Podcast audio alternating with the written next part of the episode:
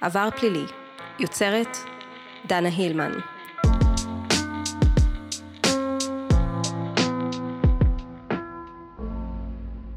הפרק היום יהיה קצת שונה. הסיפור עוד לא נגמר, אולי הוא רק התחיל, ומאיפה אפשר להתחיל לספר אותו? בפגישה של עמרי אסנאי מעובדה עם המקור בגן הילדים, מה שהצית את התחקיר על שמעון קופר, האלמן הכפול? אולי כששמעון קופר הכיר את אשתו הראשונה, אורית דורון, שמתה כעשור מאוחר יותר, בשנתה. או אולי כשגם ג'ני מלמד, אשתו השלישית של שמעון קופר, אישה בריאה לחלוטין וספורטיבית, מתה במפתיע בקיבוץ אייל בשנתה. החלטתי להתחיל דווקא משמעון קופר עצמו, האלמן הכפול. זאת אומרת, לפני שנהיה כפול, כשהוא עולה לתוכנית של איריס קול ב-103 FM, הוא מספר לה על דברים מוזרים בקיבוץ שבו הוא גר עם אשתו השנייה. הלו? כן, אני שומע. היי, מה שלומך? תמיד יכול להיות יותר טוב. זה נכון. אמ, יאללה, תתחיל אתה. אוקיי. אה, ברשותך, אני מעדיף לא להזדהות. אין בעיה. אה, הסיפור שלי הוא כזה, קודם כל זו פעם ראשונה בכלל שאני עולה מעל גלי האתר, ואני קצת מתרגש, אוקיי. אז אני מתנצל מראש. אין בעיה, אתה נשמע מאוד בטוח דווקא בעצמך. אה, הקול העבה זה בדיוק. מהצינור, זה לא הקול זה עובד שלי. לטובתך. אוקיי. אה, אני נשוי פעם שנייה, ו- ופרק ב' שלי, ופרק ב' כמובן גם של אשתי. אה, אני לא הייתי נותן, אה, לא הייתי מבקש להעלות אה, בשום צורה איזשהו סימני זיהוי כדי שלא ידעו מי אנחנו. מה שקורה זה דבר כזה, אנחנו מ- אה, תשע שנים וקצת גרים ביישוב קהילתי, ואותו יישוב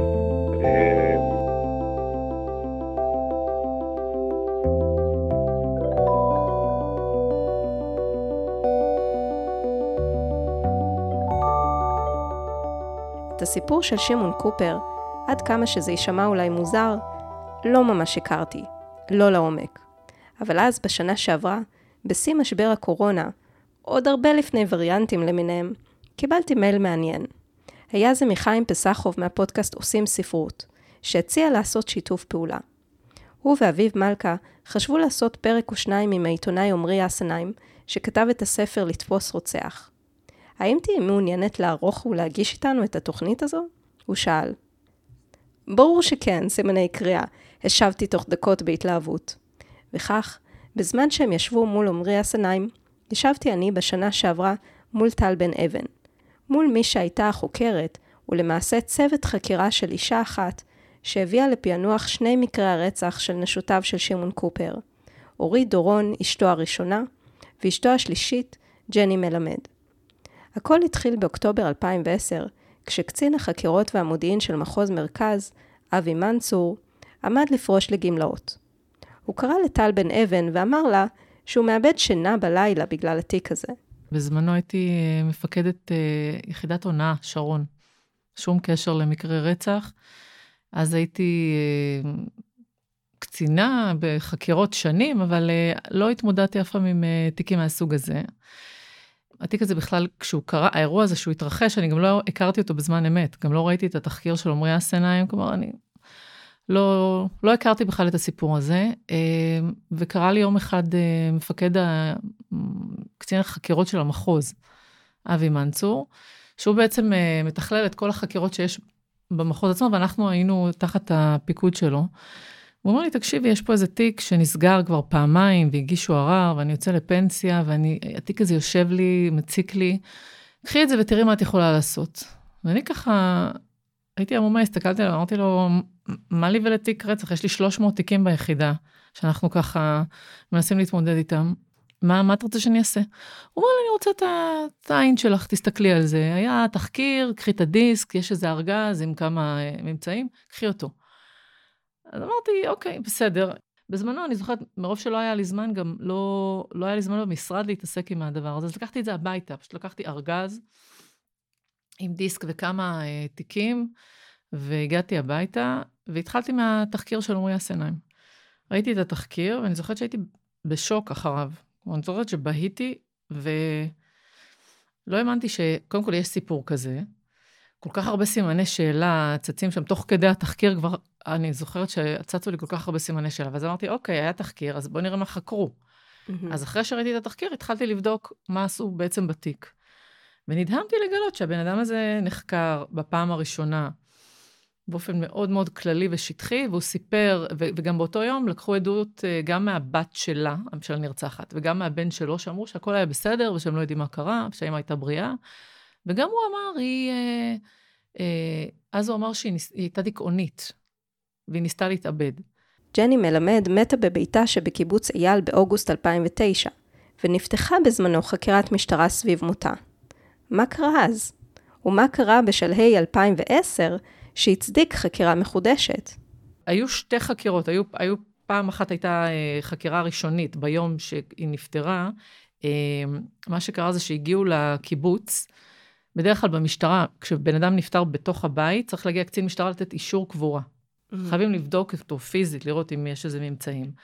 ובאו וראו זירה שבה יש אישה, יש גופה ויש מלא כדורים מסביב, והבעל אומר שהיא אה, דיכאונית, אז מסיקים שהיא אה, התאבדה, מסתכלים שאין סימנים על הגוף של אלימות, ובדרך כלל נותנים אישור, כלומר זה לא צריך, אלא אם מתעורר איזשהו חשד. ובזמנו, וזה מזל אדיר, אה, בא מזכיר הקיבוץ, וככה לחש באוזן של אחד החוקרים שיש פה סיפור עצום מאחורה. יש פה מריבה מאוד גדולה עם הקיבוץ, המוות שלה לא טבעי. חודש לפני זה הוא הניח איזה מכתב חליף שהיא נכנסת בנעלה, הוא נכנס בנעליה בעצם, אם יקרה לה משהו, ושמשהו פה מאוד מאוד חשוד. וזה גרם למפקד התחנה אז, אה, איציק מנשה. מפקד תחנת טייבה? כן. זה גרם לו ככה לטעות ולבקש אה, נתיחה. היא נרצחה ביום שישי בבוקר. והאיש הזה ידע היטב שהנתיחה לא תתקיים באותו יום, והוא התנגד. יש לו זכות להתנגד לנתיחה, והוא אמר שיש לו טראומה מזה, כי גם את אימא שלו ניתחו, מה שלא היה נכון. אה, ומה שקורה, כשהמשטרה מבקשת לנתח והבן אדם מתנגד, הולכים להליך של, קוראים לו חסם, זה אה, הליך משפטי. הולכים לבית משפט, צריך להסביר. והוא משך זמן, כלומר שישי שבת משכו זמן, וביום ראשון הוא התרצה ואמר שאוקיי, תנתחו אותה. והזמן הזה הייתה לו משמעות בדיעבד, שהוא משך אותו. באותו יום אה, היה פרמדיק שכתב חשד להתאבדות אה, בדוח, וזהו, עשו את הנתיחה. הגיעו ממצאים אחרי שבועיים שיש לה שלושה סוגים של כדורי שינה בגוף בכמות טיפולית, ושהיא מתה מסוג של עייפת, קוראים לזה איזה סוג של התקף לב, בוא נקרא לזה איזה אירוע לבבי. קשר לבבי, זה בעצם. כן. ובעצם, כשאומרים לך דבר כזה, המכון הפתולוגי, לנו כשוטרים אין שום אפשרות אה, לטעון אחרת. וסגרו את התיק, כלומר, הוא מסר איזושהי עדות מאוד אנמית, וככה התיק נסגר. רק אחרי זה, מה שקרה זה שהבנות גילו את הצוואה וגילו את כל הדברים האלה, פתאום הבינו שקרה פה משהו נוראי, ואז הגישו תלונה שוב, והתלונה הזאת, בפעם השנייה שהוא בא להיחקר, עשו עוד פעם חיפוש בבית שלו, ומצאו עוד פעם כדורים, ומצאו את תעודת הזהות של אה, מריה, ומצאו כל מיני ממצאים, ואז שוב הביאו אותו לחקירה, ואז הוא סיפר בכלל על זה, אה, שהיא סבלה מדום לב נשימתי, ושכל לילה היא הייתה נחנקת, ושהוא היה שומר עליה, ושבלילה הזה היא התעצבנה עליו, אז הוא הלך לישון בסלון, ואז הוא קם בבוקר, ולתדהמתו היא אה, נמצאה מתה. ושוב, סגרו, חקרו אותו במעורבות למותה של ג'ני. אין, אין אפילו סעיף כזה בחוק, אין אפשרות, זה היה מין משהו כזה לא ברור, הסעיף שיחסו לו, ושוב, הוא הרגיש לא טוב באיזשהו שלב בחקירה, ביקש מים, והחקירה נפסקה, ושוב סגרו את התיק הזה. טל בן אבן הבינה שהיא הרשה תיק מורכב, מבולגן. אז אני מקבלת את זה ככה, אני מקבלת ארגז עם שתי החקירות האלה, וערימות של כדורים מפוזרים בת, בתוך הארגז, שאני לא יודעת מה נתפס בחיפוש הראשון ומה בשני, דוחות קצת מבולבלים, ובקיצור, אני יושבת ואני אומרת, אוקיי, מה, מה אני עושה מפה? והתחלתי לגבש איזושהי רשימה של דברים, ואמרתי, אוקיי, יש פה אה, דוח פתולוגי. יש פה זירה של התאבדות, אז צריך להיות בגופה ממצאים טוקסיקולוגיים. כלומר, צריך להיות בה אה, אה, מספיק כדורים שהרגו אותה, כי אחרת זאת הצגה. אין פה, אין פה היגיון, יש פה סתירה בתוך הדבר הזה. ומפה התחלתי, כלומר, זאת הייתה הנחת עבודה שלי. בתוך הדבר הזה אה, הייתה גם את שרונה, האישה השנייה בעצם, שעמרי אסנהיים חשף בתחקיר שלו, שהיא בעצם אה, גם נחקרה בגלגול הקודם, אבל לא הסכימה לשתף פעולה. הביאו אותה לתחנת טייבה, והיא לא הסכימה לשתף פעולה, היא פחדה נורא, היא הייתה בשוק. ואז את, הרעיון היה שאני אביא אותה, אני אנסה להגיע אל הלב שלה ולנסה לשמוע את הסיפור כמו שהוא, במקביל לערוץ הזה של הכדורים ו, והדרך, ולנסות לפצח את העניין הזה של הנתיחה. עכשיו, אני כל הזמן בתחושה שתוך שנייה לוקחים ממני את התיק. כלומר, כל הזמן דיברתי עם מנצור, והוא כבר היה בעניינים של הפרישה שלו. ואני אומרת לו, תקשיב, זה גדול, זה, זה תיק של ימ"ר, זה לא תיק של, אני לא יודעת איזה סמכות יש לי פה. ואפילו לא פתחנו את התיק רשמית במערכת. כלומר, התיק היה סגור במערכת. עילת הסגירה היא אה, חוסר אשמה פלילית. כלומר, שמעון הסתובב בעולם עם אה, תיק סגור, כלומר עם גושפנקה חוקית, שהוא אה, ללא אשמה פלילית. בזמנו, שמעון קופר הרי כבר נחקר במשטרה, והתיק נסגר מחוסר אשמה. מה פקד בן אבן, חוקרת יחידת הונאה, תוכל לעשות שאחרים לפניה, שמנוסים בחקירות רצח, לא עשו? כפי שגילה עמרי אסנהיים, הייתה אישה אחת שזכתה גם להכיר את שמעון קופר היטב, וממש להיות נשואה לו, וגם להתגרש ממנו. האישה היחידה שהייתה נשואה לשמעון קופר ונשארה בחיים. שרונה בן אור. החלטתי להזמין את שרונה. שרונה הגיעה למשרד, ישבתי איתה שעות על גבי שעות. הייתה בינינו כימיה נהדרת, והיא באמת סיפרה לי את הסיפור המדהים שלה. סיפרה באמת אה, אה, שהיא הכירה אותו בשנת 92. אשתו הראשונה מתה בשנת 94. והיא הכירה אותו דרך אה, מה שנקרא אז עלוני קשר, היה, אין, לא היה טינדר ו, וכל הדברים האלה, אז היה עלוני קשר, אה, גרושה, אה, מחפשת בחור איכותי, והוא פנה אליה. והוא סיפר לה שהוא איש כוחות הביטחון, זה אף פעם לא היה ברור אם זה מוסד או שב"כ או, או שניהם ביחד, ושהוא איש צבא, ושהוא בהליכים, הוא פרוד, יש לו שני ילדים, אשתו קצת לא בסדר, והיא התנהלה איתו בזוגיות שנתיים. התנהלה איתו בזוגיות, כשהוא, בגלל העניין הזה של המשרה שלו, הוא הרשה לעצמו להיעלם לשבועיים, להיות פה, להיות שם. זה היה כאילו היה... בסדר. כן, להם, אה, לאשתו ולמשפחה שלו אמר שהוא במילואים, ולהיא הוא אמר שהוא במשימות חשאיות, מסווגות ומסוכנות, שהוא בלי אה, תקשורת. וככה הוא התנהל, הוא התנהל לו שנתיים אה, עם האישה הזאת. ברוב חוצפתו, הוא פעם בא לבקר את אחותו בבית החולים, כשהוא נשוי לאורית עם אה, שרונה. והיא סיפרה לנו, היא סיפרה לנו את זה, ואז היא ידעה שהוא פרוד ממנה, והיא התחילה איזושהי עבודה חדשה, והיא אומרת שביום שהיא נפטרה, היא התחילה את העבודה החדשה הזאת בנתניה, ויום לפני זה הוא אמר לה שהיא לא מרגישה טוב, אורית, והוא חייב לישון שם. והיא זוכרת שהיא התעצבנה עליו, כי אתה בן זוג שלי, אתה ישן עם הגרושה שלך בבית, וזה צרם לה כאישה. Mm-hmm. אז הוא אמר לה, אל תדאגי, אני ישן בסלון, אני לא ישן איתה ביחד במיטה. ומחרת בבוקר הוא מתקשר אליה, ואומר לה, אל תשאלי, קרה אסון. אה, אורית מתה. היא התאבדה כנראה, אה, ו, ואז יצא הסיפור הזה שאורית מתה בסלון. הוא ישן בחדר השינה. כלומר, הסיפור הזה הובן רק אחר כך, בדיעבד. אבל היא אומרת, לטענתה, באותו בוקר היא הרגישה שמשהו לא בסדר. כלומר, המוות שלה היה לה מוזר. מאותו רגע היא מספרת שהוא אמר לה להציג את עצמה כאופר של המשפחה. היא סיפרה לנו שכמה חודשים לפני זה הם קנו ביחד דירה בפרדסיה, אה, שהוא אמר לאבא שלה, שנתן את הכסף לדירה, שבעוד כמה חודשים הוא ייתן לו את הכסף. ואת פתאום מתחילה להבין שהיה פה, פה תכנון גם של עוד רצח. דרך אגב, אנחנו קיבלנו גם את הממצאים הפתולוגיים של הנתיחה הראשונה, גם שם הייתה נתיחה. אה, וגם שם, בקושי הצלחנו למצוא מסמכים, כי גנזו כבר את כל החומר, והיה כתוב שסיבת המוות לא ידועה. סיבת המוות לא ידועה. מה זה, מה זה? מה זאת אומרת? אישה בת 32 מתה, ולא אומרים שהיא התאבדה, וגם שם היו כדורים בזירה. וככל שאני מתקדמת בתיק, אני מבינה שיש פה משהו מטורף. כלומר, היה לי ברור, היה לי ברור באותו רגע שהוא מעורב במוות שלהם. אולי לא... דווקא יש היגיון בזה שחוקרת אה, הונאה, הונאה. מפענחת את התיק הזה, כי זה בעצם, זה סוג של תיק הונאה, הוא בעצם רימה הרבה מאוד אנשים. זה ממש יפה מה שאת אומרת, אני אף פעם לא חשבתי על זה במובן הזה, אבל זה, זה נכון, הוא נוכל סדרתי, שהוא גם רוצח, אבל הוא בעיקר נוכל. ו, ומה שקרה זה שאני מתחילה לבנות לי את, אה, מין תבנית כזאת. יש אותה, יש את ג'ני, אותה אפילו לא חלמנו, את התיק שלה לא חלמנו לחקור 16 שנים אחורה, אבל אמרנו שיש בחקירות מה שנקרא שיטת ביצוע, שזאת ראייה, שאת מוכיחה שיש איזושהי שיטה, אז היא תומכת בראיות כן, שלך. כן, דפוס פעולה. כן, אורית דורון הייתה אשתו הראשונה של שמעון קופר, ואם שני בניו. הם היו נשואים במשך כעשר שנים, עד שבבוקר 18 בינואר 1994 נמצאה על ידי קופר ללא רוח חיים. כדורים שונים נמצאו פזורים סביב מיטתה. לג'ני מלמד, קופר נישא בשנת 2007. ב-21 באוגוסט 2009 נמצאה ללא רוח חיים במיטתה, עם כדורים שונים שהיו מפוזרים סביבה. צירוף מקרים, כדורים, דוח פתולוגי עמום. בחזרה לעדות של שרונה. היא סיפרה שם עוד איזה סיפור מדהים, שהוא יצר קשר ממש טוב עם ההורים שלה. דרך אגב, זה, זה גם היה דפוס אצלו. עד כדי כך שהוא היה יושב עם אימא שלה, אנטונינה, שנפטרה השנה, והוא היה מספר לה שהוא איש מוסד, ושהוא איש שב"כ, והוא היה מגיע עם מדים, גם היה לו, היו לו מדים באוטו עם דרגות של סגן אלוף.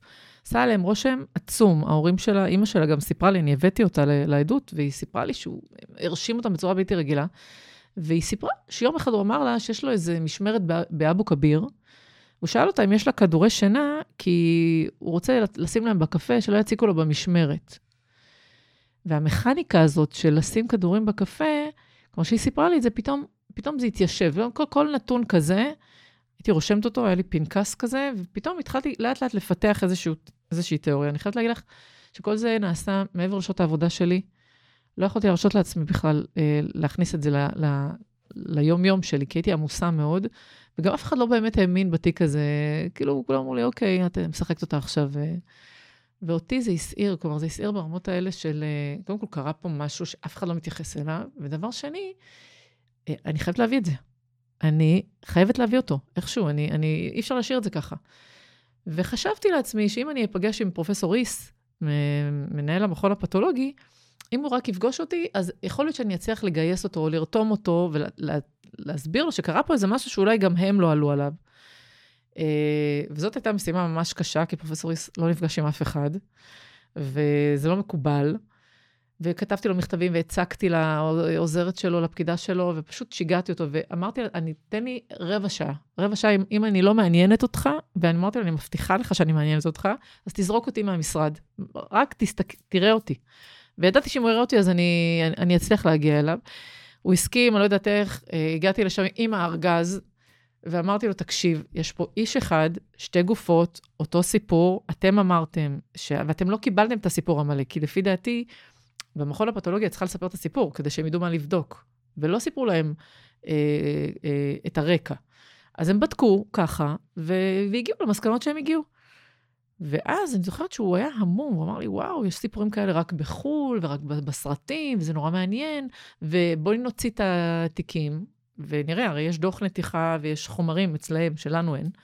בואי נראה, בואי נעשה, אז אמרתי לו, ש... הוא אמר לי, מה את רוצה בעצם? אמרתי לו, אני רוצה שתעשה השוואה בין שתי הנתיחות, לראות אם יש דברים שאפשר להשוות אותם, פורנזים, אה, ותבדוק, אולי, אולי פישלתם, אולי טעיתם, אולי יש איזה פתח, כי משהו פה לא תקין. איך זה שיש כדורים בזירה ואין לה כלום בדם? ממה היא מתה? איך נוצרת ליפת? מה זה ליפת בכלל? מה... בוא, בוא ניכנס לזה. ואז הוא אמר, תקשיבי, אה, כל גופה שמנותחת, לוקחים ממנה דגימת דם, נוזל קיבה ודגימה מהעין, נוזל מהעין, ואמורים לפי החוק לשמור אותה לשנתיים. זה החוק. ובואי נראה, עברו שלוש שנים, בואי נראה, אולי, אולי אה, התרשלנו, אולי, אולי בטעות שמרנו את זה יותר מהזמן. ואני ככה ממש התפללתי, אמרתי, אה, אוקיי, אני מחכה, והייתי במתח אה, נוראי, ואחרי שבוע הוא אומר לי, תקשיבי, יש דגימת דם פצפונת ממש קטנה, אבל בואי נראה מה, מה נעשה איתה. במקביל, לקחתי את כל ערימת הכדורים הזאת. כלומר, היו כמה פעולות שעשיתי. לקחתי את הכדורים האלה, הסתכלתי, אמרתי, חלק, חלק ריקים, חלק לא, אבל הייתה שם כמות של איזה 500 כדורים מסוגים שונים, והתחלתי לעשות רשימה. יש ארבע כדורים של מיקרודיול, יש חמישה כדורים, ממש רשימה בכתב יד, ויש איקס כדורים, כלומר, חסרים שלושה, ממש כמו, כמו ילד. ואמרתי, התחלתי לחפש באינטרנט מה זה הכדורים האלה, אז חלק היה כתוב מרשם. אוקיי, אז אם צריך מרשם, אז בטח זה רשום מי קיבל אותם. אז הוצאתי צווים לקופת חולים, לכל הקופת חולים, כדי לראות uh, מי קיבל אותם. זה של ג'ני, זה של קופר, זה של אימא של מישהו. Uh, והתחלתי לנסות להתחקות אחרי הכדורים האלה.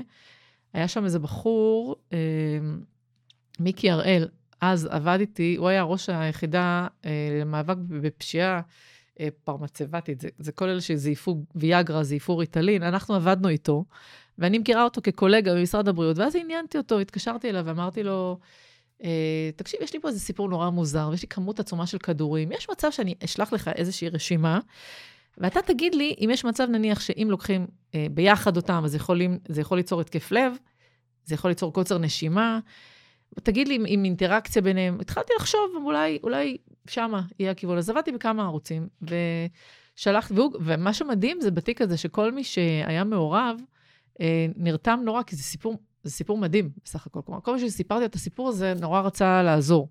מחוץ ל, למקצוע שלו, מחוץ לשעות העבודה שלו. ושלחתי את זה אליו, וחיכיתי ממנו לתגובה. וחיכיתי לתגובה של פרופסור איש, שאמר לי שיש דגימה. ואז כשהוא חזר אליי, הוא אמר לי, תקשיבי, יש פה כדורים שהוא עשה לי מפה כזאת, הוא ממש השקיע בזה, שבאינטראקציה מסוימת יכולים לגרום לדום נשימה. ואמרתי, אוקיי, אז הכיוון שלי, הוא יכול להיות שהיא הורעלה. כלומר, מצאנו אצלה שלושה סוגים שונים של כדורי שינה בדם. נכון שזה לא בכמות ממיתה, אבל יכול להיות שהשילוב שלהם גרם לה למשהו. והתחלנו ככה לתהות אה, מה קרה פה. ואז אמרתי לפרופסור ריס, אוקיי, הנה החוברת שהכין לי מיקי הראל. קח את זה, ואולי אנחנו יכולים להוציא מפה משהו. אז הוא אמר לי, יש פה קרוב ל-230 סוגים של כדורים, יש פה דגימת דם מיקרוסקופית. יש בחור בשם גופר, דוקטור גופר, שהוא במכון uh, הטוקסיקולוגי בתל השומר, הוא עושה לנו את הבדיקות דם, דברי איתו. אמרתי, אוקיי. הרמתי טלפון לדוקטור גופר, והשיחה הראשונה הסתיימה בטריקת טלפון. הוא ממש לא הבין מה אני רוצה ממנו, וככה היה לא נחמד, וממש טרק לי את הטלפון בפרצוף.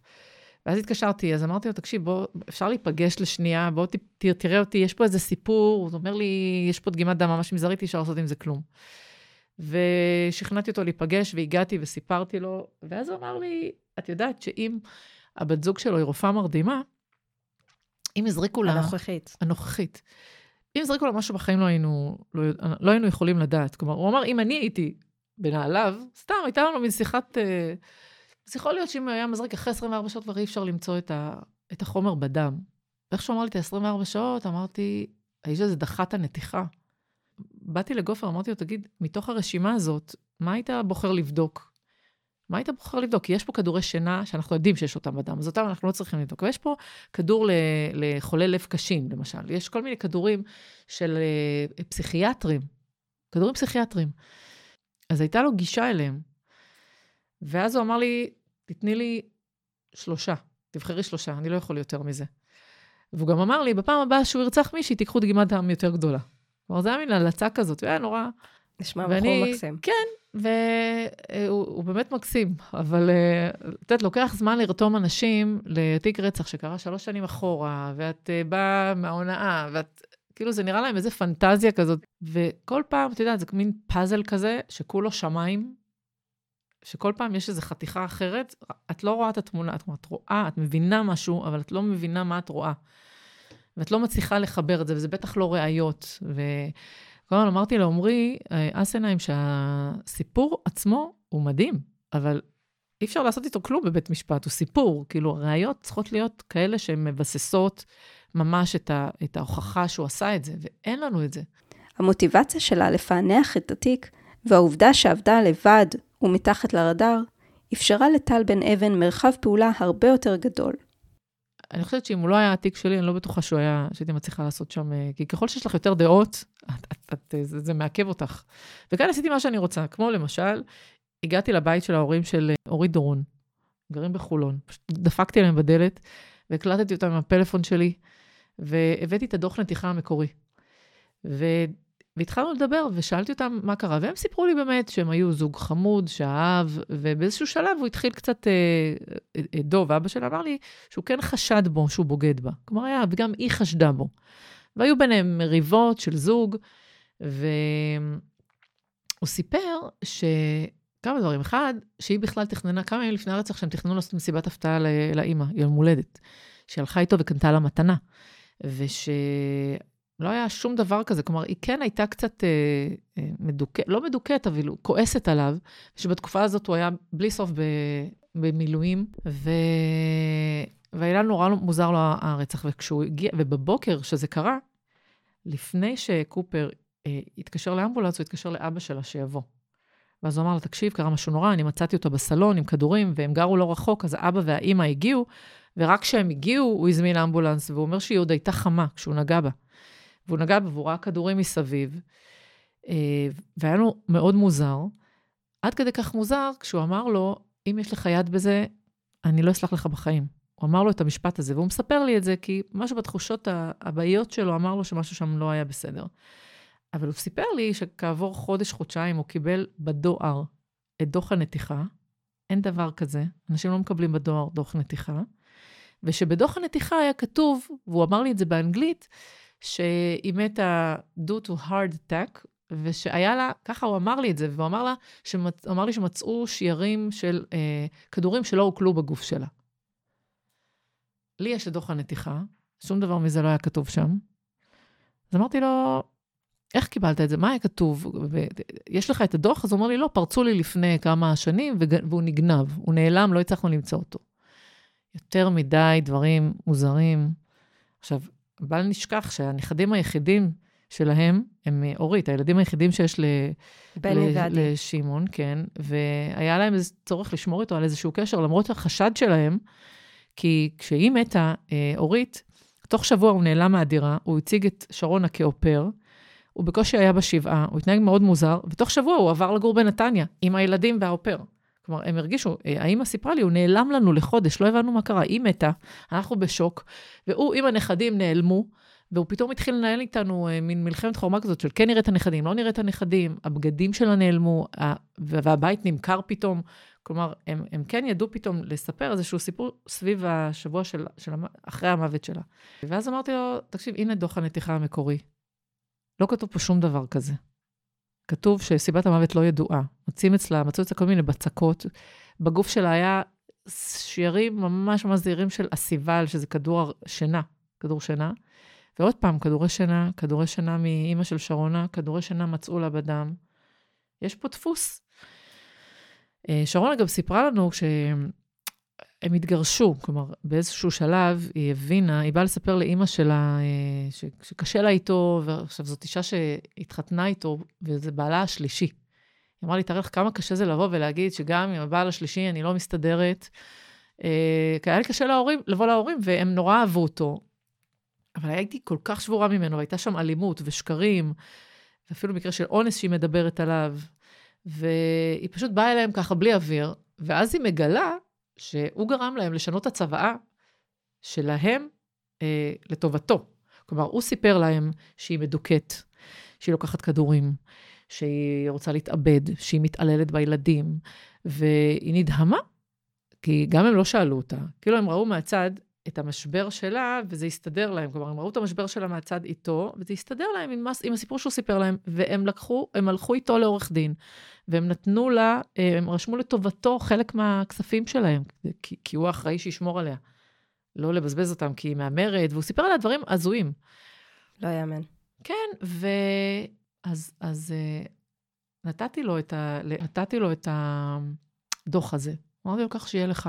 אבא של אורית. אבא של אורית, סליחה. כך שיהיה לך, אה, זה, לא ש, זה לא מה שקרה, הנה הסיפור האמיתי. בעובדה, עמרי גם הגיע אליהם, והם גם סיפרו לו, והוא נזף בהם ואמר להם, אתם לא תראו את הנכדים שלכם יותר. והם ממש חששו לשתף איתי פעולה. ו- ואני יצאתי מהם ככה בתחושה ש...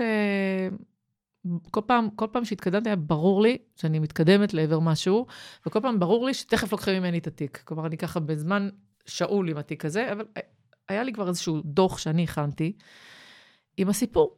ואני כל פעם באה איתו, התחלפו המפקדים, ואני באה איתו למפקדים, ואומרים לי, אה, טל, בחייאת, כאילו, מה, מה זה הסיפורים האלה? עזבי, חמוד, אבל זה לא, זה לא זה, את לא שם. המשכתי להתקדם, וחקרתי קרוב ל-40 אנשים מקיבוץ אייל, בשקט גמור, סביבו. הוא גר בקיבוץ אייל. הוא אה, זרק את הבנות מהבית שלהן, בטענות מטענות משונות. פתח אפילו, הגיש תלונה נגד אה, הבת, באה, היא קטפה לימון מהעץ של הבית שלה, הוא הגיש נגדה תלונה על השגת גבול. כלומר, היו שם דברים כל כך קשים ומקוממים, שרק ככה אה, הגבירו אצלי את המוטיבציה להגיע לחקר האמת. רגע, אבל מה עם הכדורים? טל נאלצה לבחור. בחירתה של טל אני אחזור חזרה לגופר, זה נורא קשה לספר את הסיפור הזה, כי יש בו כל כך הרבה שנים ושלבים, שכל פעם אה, צריך ללכת אחורה וקדימה. אז גופר אמר לי לבחור מתוך הרשימה הזאת שלושה כדורים. אני זוכרת שאני יושבת במשרד, אין לי מושג מה, איזה ידע יש לי, ואני מחפשת באינטרנט מה יכול, וממש זה היה ברמה כל כך לא מקצועית בדיעבד, אבל, אבל לא הייתה לי שום ברירה, אז בחרתי שלושה כדורים שנראו לי. אחד מהם היה הכדור הפסיכיאטרי של הבן של מריה. ואמרתי, אוקיי, תנסה לבדוק את זה, כי אני באמת לא יודעת. במקביל, פרופסור ריס אמר לי, תקשיבי, אה, יש איזו מעבדה בפילדלפיה, שיש לה את היכולת לעשות אה, בדיקה על איזה 600 אה, סוגים של כדורים בדגימת דם מאוד קטנה. יש להם את היכולת הזאת. אם תצליחי להציג, להשיג תקציב, אז אולי נוכל לעשות את זה. עכשיו, זה היה, איפה אני תקציב? מי ידבר איתי בכלל על תקציב מהמשטרה לדבר כזה בכלל? זה היה הזוי.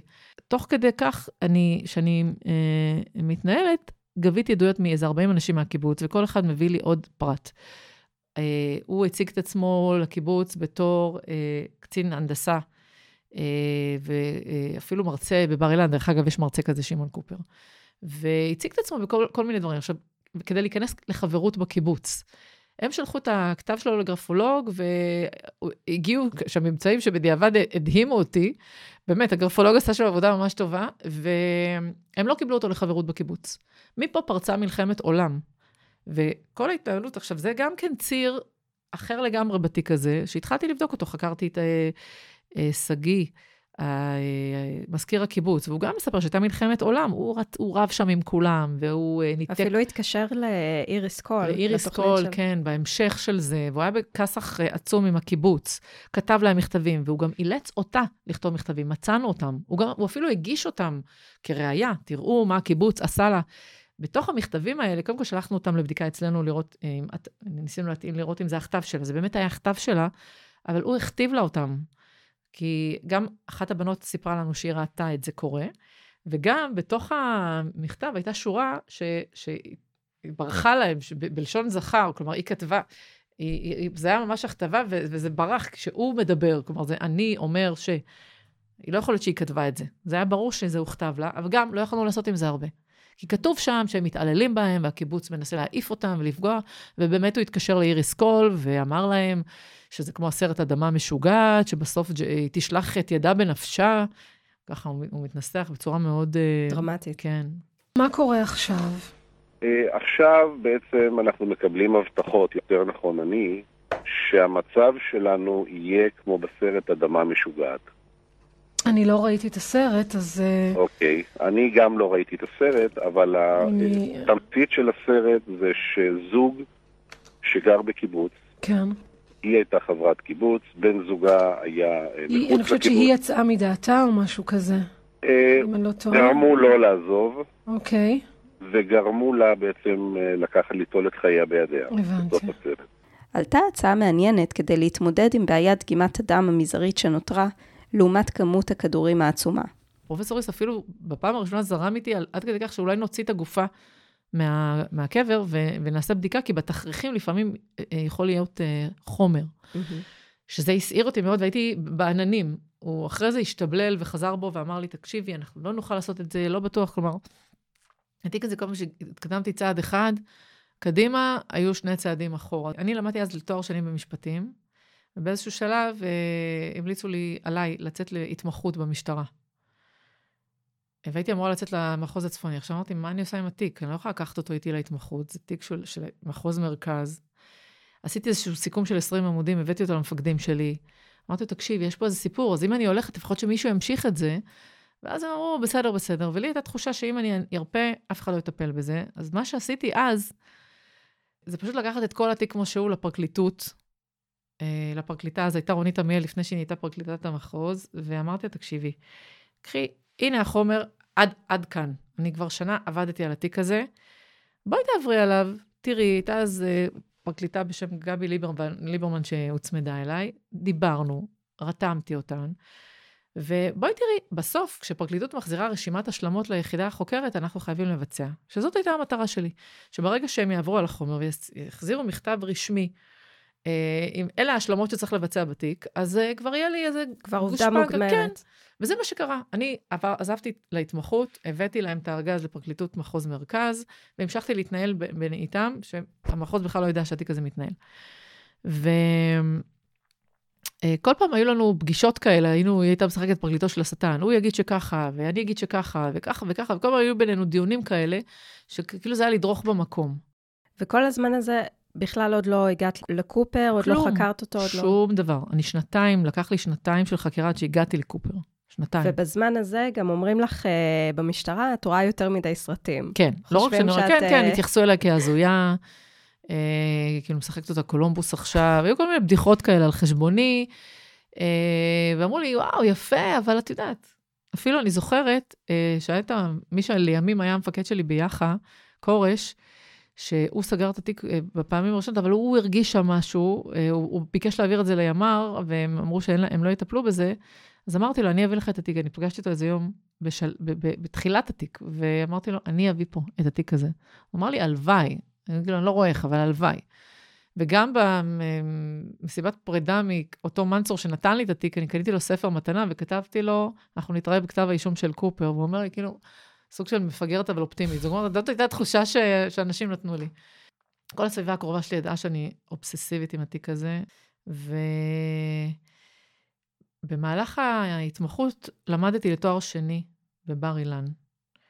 ואז היה לי קורס נוראי של מיסים, שלא הצלחתי להתמודד איתו.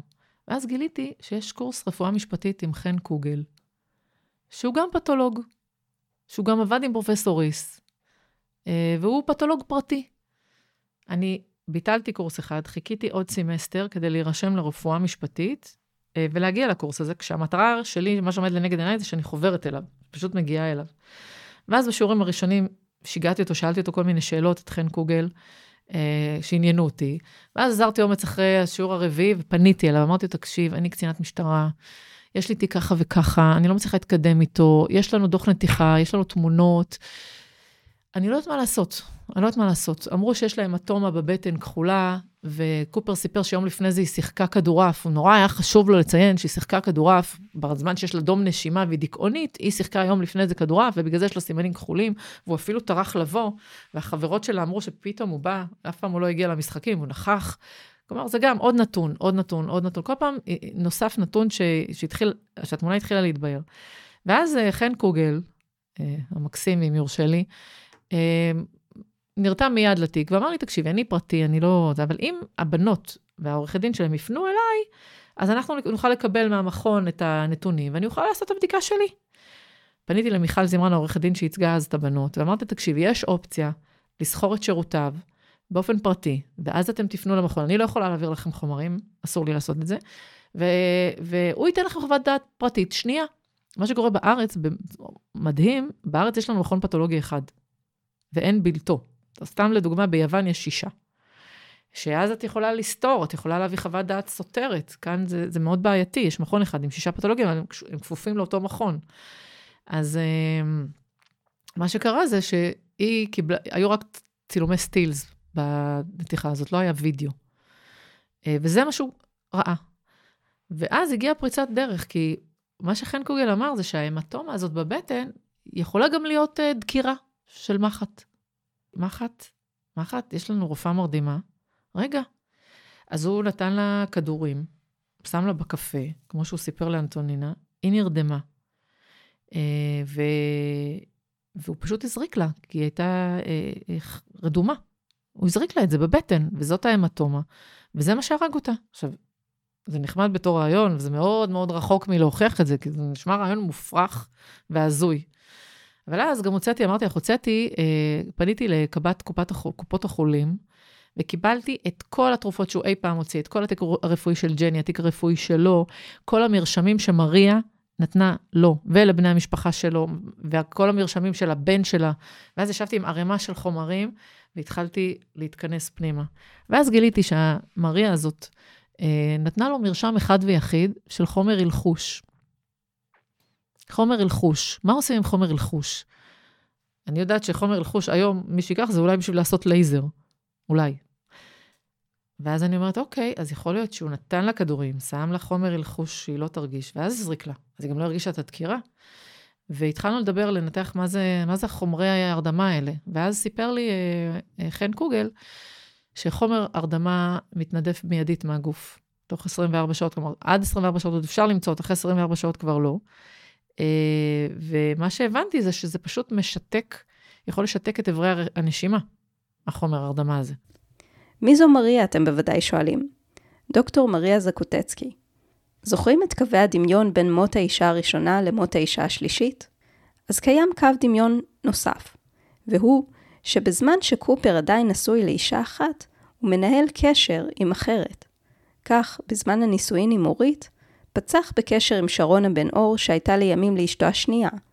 מריה זקוטצקי, ככל הנראה תוכננה להיות אשתו הרביעית של קופר, לאחר מות אשתו השלישית, ג'ני מלמד. למריה, ובעיקר לעובדת היותה רופאה מרדימה, היה על פי החשד של טל, תפקיד במותה של ג'ני.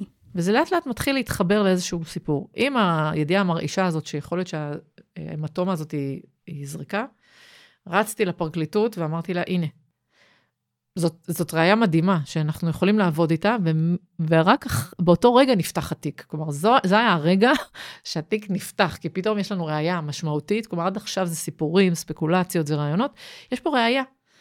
ואז, כשכתבתי את זה כבר, אה, באתי עם, אה, אה, כלומר, סיימתי כבר את ההתמחות, זו הייתה שנה של התמחות ולימודי תואר שני במקביל, סיימתי את ההתמחות, אני זוכרת שבאתי למחוז, כבר לא היה לי שיבוץ, ואז מפקד המחוז, אז בן ציסאו, אומר לי, טוב, את רוצה לחזור לתביעות? אמרתי לו, לא. הוא אומר לי, מה את רוצה לעשות כרגע עד שאני אמצא לך שיבוץ? אמרתי, תן לי משרד, אני אמשיך לעבוד על קופר. הנה, הגיעה רשימת השלמות, תזמנתי את זה ככה, שהרשימת השלמות הגיעה אחרי שנה, אני אעבוד על זה עד שנמצא שיבוץ.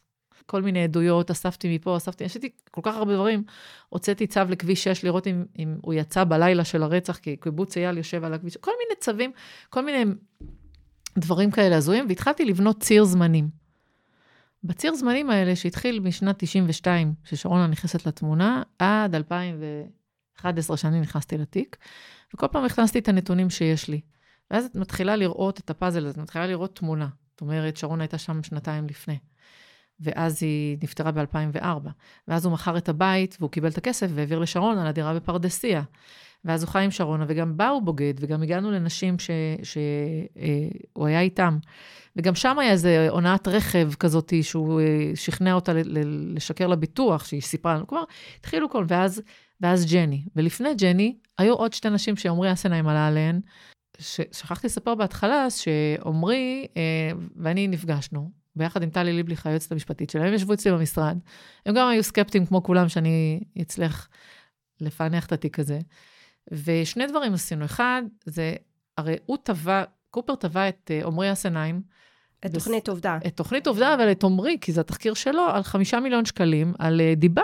כי יש לי פה אישור שהמשטרה סגרה את התיק שלי בחוסר אשמה פלילית, ואתה הצגת אותי בתור רוצח. לא אמרת את זה, אבל זה ברור, כל מי שראה את זה חושב שאני רוצח. אז הוא תבע אותו. עכשיו, במקביל לכל הבלגן הזה מתנהל המשפט האזרחי של התביעה הזאת. שעמרי היה מאוד בלחץ, וכל הזמן דיבר איתי, הוא אומר לי, תקשיבי, אנחנו... ל... אמרתי לו, אסור לך להגיד שאנחנו פתחנו בחקירה, זאת חקירה סמויה, אנחנו עוד לא יודעים לאן אה, נתקדם. ומצד שני, המשפט מתנהל. בואו נעשה רגע סדר בזמנים. תחקיר עובדה בעניין שמעון קופר שודר במרץ 2010.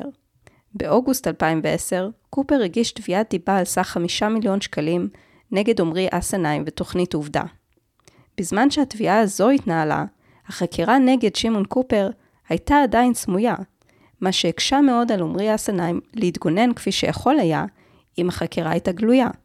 ואז הגיעה פרקליטה אחרת, רודנית אה, פוזננסקי, ומה שעשינו זה שאני והיא הלכנו לדיון האזרחי של אה, קופר אצל האסנהיים, סתם כדי להתרשם, כדי לראות מי ה... לראות פ... בעיניים. לראות את הפלא בעיניים. כי כבר הכרתי, ש... קצת, אני הרגשתי שאני מכירה אותו כל כך טוב. גם חקרתי את העבר שלו, אבא שלו נפטר כשהוא היה בן שלוש, אבא שלו היה שוטר. הוא נפטר כשהוא היה בן שלוש, ואימא שלו התחתנה עם איזה מישהו שהיה מכה אותו, הייתה לו ילדות לא פשוטה. הוצאתי מסמכים מהצבא. הגענו, הוצא, הוצאתי אה, צו לצה"ל כדי לקבל את כל התיק הצבאי שלו, ואז גיליתי שהוא היה אפסנאי, לא קצין הנדסה. וזה היה נורא מצחיק, כי הוא עומד שם ומשקר במצח נחושה, והוא גם, יש לו איזושהי דרך לספר איזשהו סיפור עם, עם שש גרסאות במקביל. כלומר, הוא, יש לו איזושהי יכולת כזאת, וירטואוזית כמעט, לספר את, את הסיפור הזה, ואז כששואלים בו שאלה, אז הוא מביא איזושהי גרסה אחרת, וזה לא מפריע לו לסתור את עצמו, זה, זה משהו באמת מיוחד. אה, ודרך עמרי גם הגעתי לשתי הנשים האלה אה, בקיבוצים, והגעתי לחקור אותם, וראה זה פלא, גם הן הכירו אותו קצת לפני ג'ני, וגם הן ידעו שהוא איש אה, כוחות הביטחון, ועם אחת מהן הוא גר, וגם שם הוא כבר הספיק תוך שלושה חודשים לספר לכולם שהיא במצב פסיכיאטרי קשה והיא דיכאונית. ומדהים, מין דפוס כזה, אה, לא, לא יאמן אפילו. אה, אבל שם זה לא החזיק מעמד, עם שתי אנשים זה היה משהו כמה חודשים קצרים, וגם לשם הוא עבר, והילדים שלו, וכלומר, אותו סיפור, אותו ריטואל שחוזר על עצמו. גם את ג'ני הוא הכיר דרך חלוני קשר כאלה. וגם לה הוא סיפר שהוא עובד בכוחות הביטחון. ומה שהדהים אותי, לימים בחיפוש אצלו בבית, מצאתי עבודת שורשים של הבן שלו, עדי, שכתב שאבא שלו עובד בכוחות הביטחון. כלומר, גם הילד שלו, הילדים שלו, אה, אה, חשבו שהוא מישהו אחר.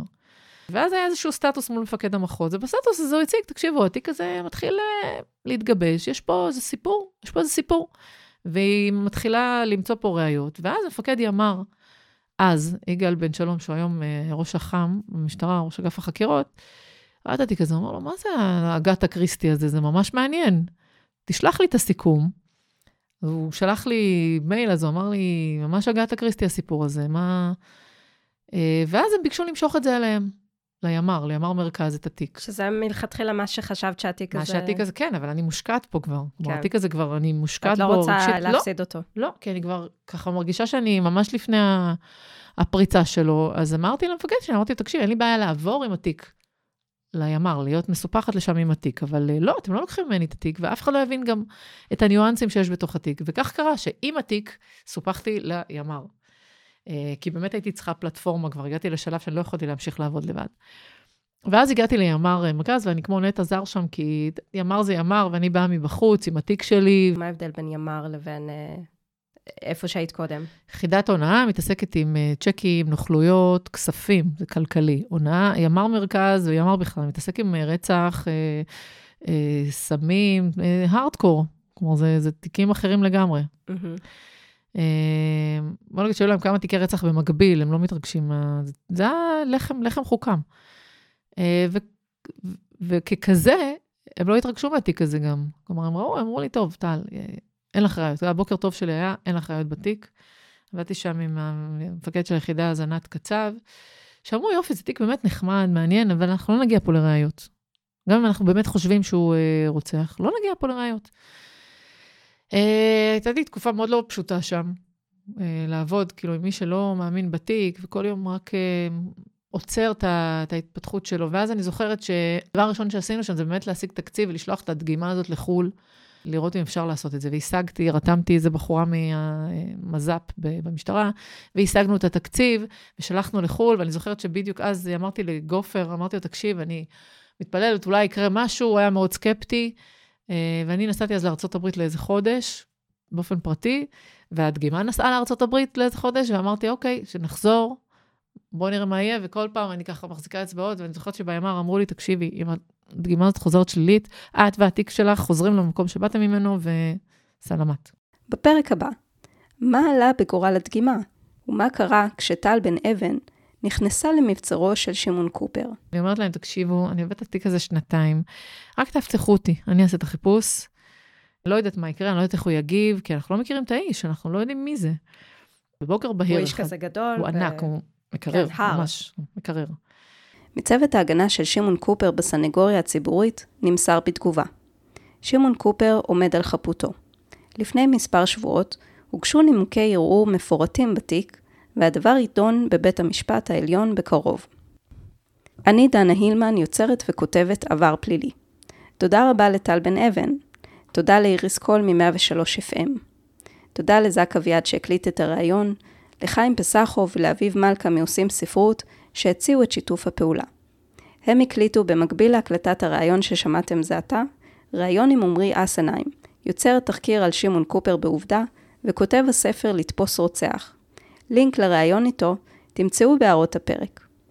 כפי שבוודאי שמתם לב, עבר המון זמן מאז יציאת הפרק הקודם של עבר פלילי.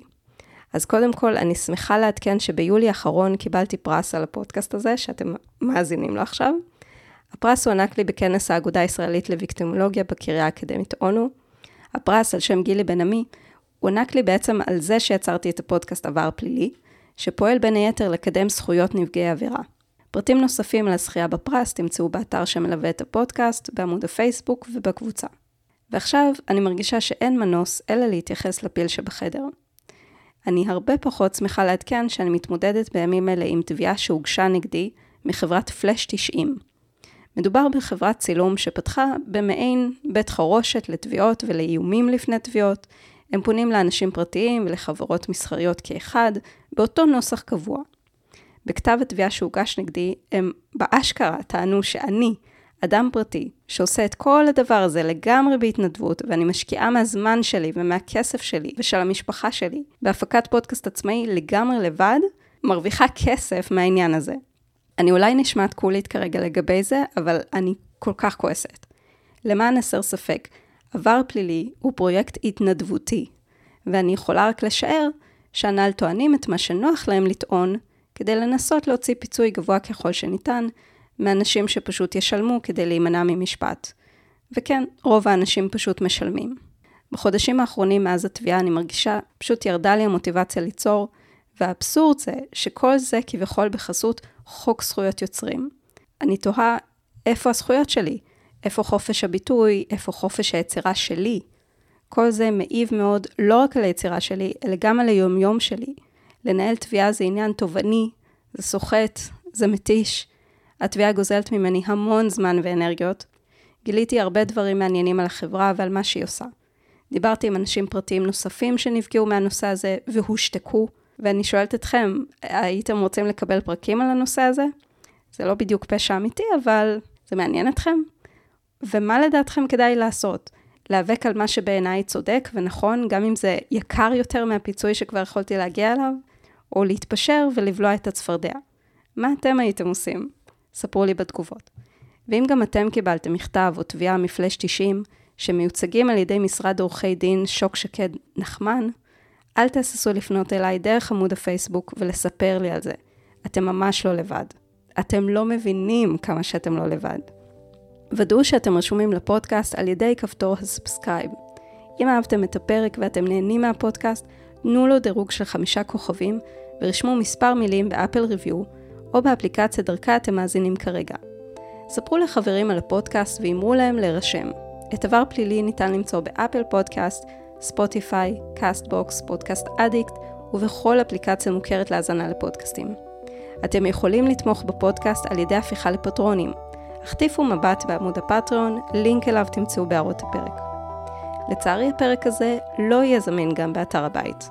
למה? בגלל פלאש 90. במצב הדברים הנוכחים, כשיש חברות שממשטרות את המרחב האינטרנטי לטובת גריפת רווחים כספיים עבורן, שעושות שימוש בתוכנות שסורקות את הרשת בחיפוש אחר תמונות ואפילו צילומי מסך, כדי שהן יוכלו לגבות פיצויים על שימוש בהן, גם אם מדובר בשימוש מותר, אני לא מעוניינת לקחת שום סיכון בתביעות ובהליכים טרום משפטיים.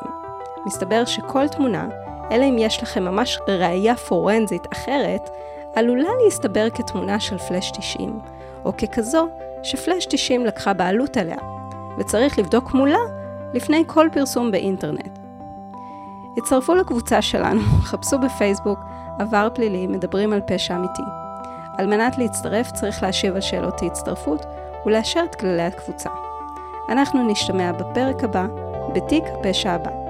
ועד אז, המשך יום צודק לכם.